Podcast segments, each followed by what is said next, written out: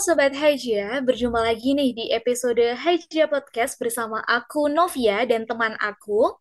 Aku Naila, apa kabar nih Sobat Bahagia? Bagaimana kehidupan kuliah offline-nya? Apakah udah terasa nih kangen masakan rumahnya? Nah, di episode kali ini kita akan membawakan topik soal makanan nih, Nov. Betul banget, Nay. Setelah kuliah offline dan ngekos, jujur, aku baru kerasa deh kalau ngurusin makan gak segampang itu. Kalau dapet yang gampang, enak, tapi nggak sehat. Giliran dapet yang sehat, tapi mahal. Aduh, gimana ya? Tenang, Nov. Ada kok makanan sehat buat anak kos. Yuk kita kulik mengenai makanan sehat buat anak kos. Enaknya kita mulai dari mana ya? Dari pengertian aja kali ya.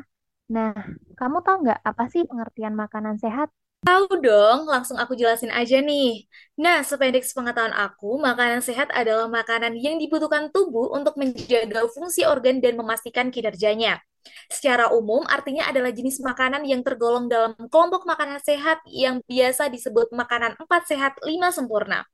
Syarat makanan yang sehat yaitu bersih, memiliki gizi yang baik dan seimbang, yaitu memiliki kandungan karbohidrat, protein, lemak, dan vitamin. Terus nih, aku gantian tanya, kalau pentingnya makanan sehat emang apa aja nih, Nay? Waduh, merasa tertantang nih aku.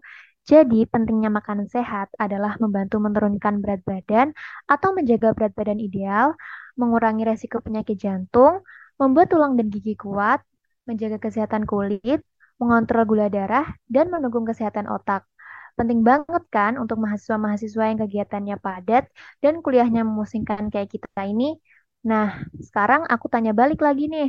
Ngomongin makanan sehat, emang apa aja sih makanan sehat itu? Ada jenisnya nggak sih? Aduh, aku tahu kamu sebenarnya tahu kan, Nay. Tapi nggak apa-apa, aku jelasin sependek sepengetahuan aku deh.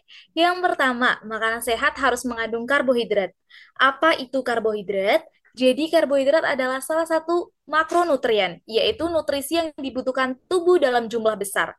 Karbohidrat bermanfaat sebagai sumber energi utama bagi tubuh. Selain itu, jenis makanan berkarbohidrat tersebut kaya akan serat, dapat memberikan efek kenyang lebih lama, dan menurunkan berat badan loh. Contohnya adalah makanan berkarbohidrat kompleks seperti roti gandum, sayuran, dan kacang-kacangan. Sumber karbohidrat lain juga bisa diperoleh dari ubi, kentang, dan tentunya nasi. Gantian Donai, aku mau kamu paparkan soal Hmm, protein. Apa sih protein itu? Oke deh, jadi sam, eh, jadi sama seperti lemak dan karbohidrat, protein itu merupakan salah satu nutrisi yang dibutuhkan tubuh dalam jumlah besar. Nah, fungsi protein itu yang pertama adalah sebagai salah satu sumber energi yang penting bagi tubuh. Protein itu sebagai batu bata. Nah, batu bata itu kan penyusun, jadi protein itu berperan dalam menyusun hampir semua bagian tubuh kita, misalnya otot dan tulang, paru-paru, kulit, serta rambut. Enggak cuma itu, protein juga bertanggung jawab untuk memelihara dan mengganti jaringan tubuh yang rusak nih. Nah, fungsi protein selanjutnya itu adalah membantu tubuh membentuk antibodi. Penting banget kan fungsi protein dalam tubuh kita? Nah, dari mana kita bisa mendapatkan protein itu? Protein itu bisa kita dapetin dari daging ayam, ikan, telur, produk olahan susu, kacang-kacangan, dan olahannya seperti tahu, tempe, brokoli, jamur, dan masih banyak lagi. Gitu, Nov. Wah, keren, lengkap banget. Oke, kalau gitu aku mau menambahi soal golongan makanan sehat selanjutnya nih, yaitu vitamin dan mineral. Vitamin dan mineral termasuk dalam jenis nutrisi yang penting dalam memelihara kesehatan tubuh nih.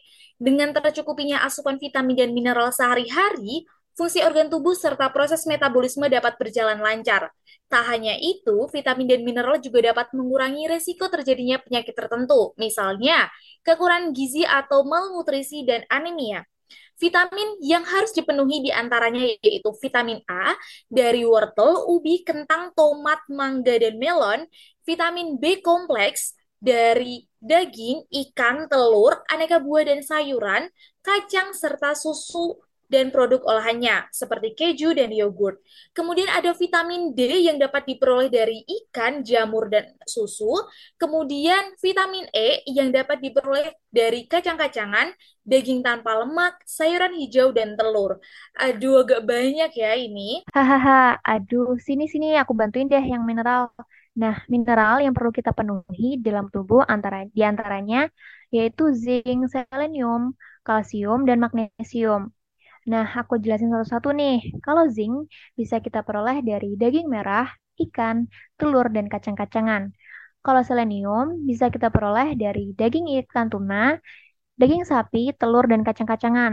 Kalau kalsium bisa kita peroleh dari susu, yogurt, keju, kacang-kacangan seperti kedelai, ikan, hingga aneka sayuran hijau termasuk brokoli dan bayam. Sedangkan kalau magnesium bisa diperoleh dari susu, yogurt, keju, kacang-kacangan seperti kacang kedelai, ikan, hingga aneka sayuran hijau termasuk brokoli dan bayam. Aku sekalian jelasin yang lemak ya. Nah, ngomong-ngomong soal lemak, pasti kalian mikir kayak lemak jadi momok yang paling ditakutin sama banyak orang. Padahal ada baiknya loh si lemak ini. Lemak itu punya fungsi yaitu melindungi organ tubuh, membantu penyerapan vitamin, menghasilkan energi bagi tubuh, menghangatkan tubuh, juga menjaga kesehatan kulit dan rambut. Nah, sumber lemak yang baik di antaranya itu seperti alpukat, telur, ikan, keju, dark coklat, dan kacang. Lengkap sudah deh golongan makanan sehatnya. Selanjutnya mau bahas apa nih, Nov? Wah, kalau sudah bahas soal teori-teorinya, nggak lengkap nggak sih kalau kita nggak bahas masakannya?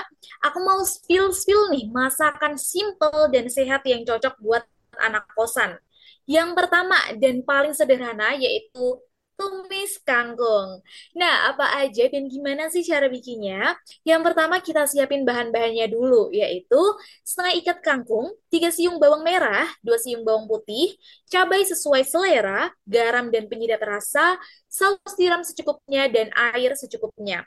Selanjutnya, cuci kangkung sampai bersih, iris bawang merah, bawang putih, dan cabai secukupnya. Panaskan sedikit minyak, lalu tumis bawang merah, bawang putih hingga harum. Masukkan kangkung dan cabai, tumis sejenak sambil ditambahkan air, tambahkan garam, saus tiram, dan penyedap secukupnya. Tumis-tumis dan koreksi rasa, udah Wah, keren banget, Nov. Tapi aku juga nggak mau kalah dong. Aku juga mau spill resep andalan aku yang tentunya sehat juga nih, yaitu tahu asam manis. Cara dan bahannya gimana? Gampang banget, nggak usah beli mahal. Em, bahannya apa aja? Yaitu yang pertama, tahu putih, satu bawang putih, tiga bawang merah, satu tomat buah, merica bubuk, gula dan garam secukupnya, lengkuas secukupnya, dan yang terakhir minyak goreng secukupnya. Udah deh. Nah, caranya gimana? Gampang banget. Yang pertama, cuci bersih bawang putih, bawang merah, cabai rawit, dan iris tomat. Habis itu, kupas lengkuas, lalu dicuci dan diiris. Selanjutnya, siapin tahu, kemudian potong dengan ukuran sesuai selera. Goreng tahu hingga setengah matang, terus masukin bawang merah, bawang putih, lengkuas, dan cabai rawit. Tumis hingga harum, kemudian tambahkan tomat, merica bubuk, dan air secukupnya. Lalu masukkan kecap, gula, dan garam sesuai selera. Yang terakhir nih, tes rasa dan tunggu hingga mendidih. Udah deh, siap untuk dihidangkan. Wih, keren, keren, keren. Nah, karena tadi udah sayur, udah lauk, gimana nih kalau kita sekalian spill dessert? Oh iya, sekalian dong. Oke, resep yang mau aku spill adalah pancake pisang. Eh, tapi ini bisa dianggap full meal sih. Coba deh Sobat Haja jawab resep ini tergolong full meal atau camilan. Nah, langsung aja nih kita menuju resep sat-sat lezat dan bergizinya. Jadi, untuk bikin pancake pisang dibutuhin bahan yang simple kok. Nggak percaya? Dengerin ya. Bahan-bahannya yaitu dua buah pisang raja yang sudah dihancurkan, jangan terlalu halus ya. Kemudian ada 120 gram tepung segitiga, satu sendok teh baking powder, setengah sendok teh baking soda, seperempat sendok teh garam, satu butir telur, dua sendok makan gula pasir, dua sendok makan minyak sayur, 200 ml susu cair, topping yaitu irisan pisang dan madu sesuai selera. Cara bikinnya gimana? Easy. Nih, aku jelasin. Yang pertama yaitu kocok telur dan gula. Tambahkan pisang, minyak sayur, dan susu cair. Aduk rata. Kemudian tambahkan tepung terigu, baking powder, baking soda, garam, aduk hingga tercampur rata. Kemudian panaskan wajan anti lengket dengan api sedang. Tuang sendok sayur adonan pancake. Setelah timbul gelembung-gelembung kecil, balik pancake-nya. Lalu panggang hingga matang, lakukan hingga adonan habis. Angkat dan sajikan dengan topping pisang dan madu. Udah gampang, enak, sehat juga. Wah, mantep banget, Nov.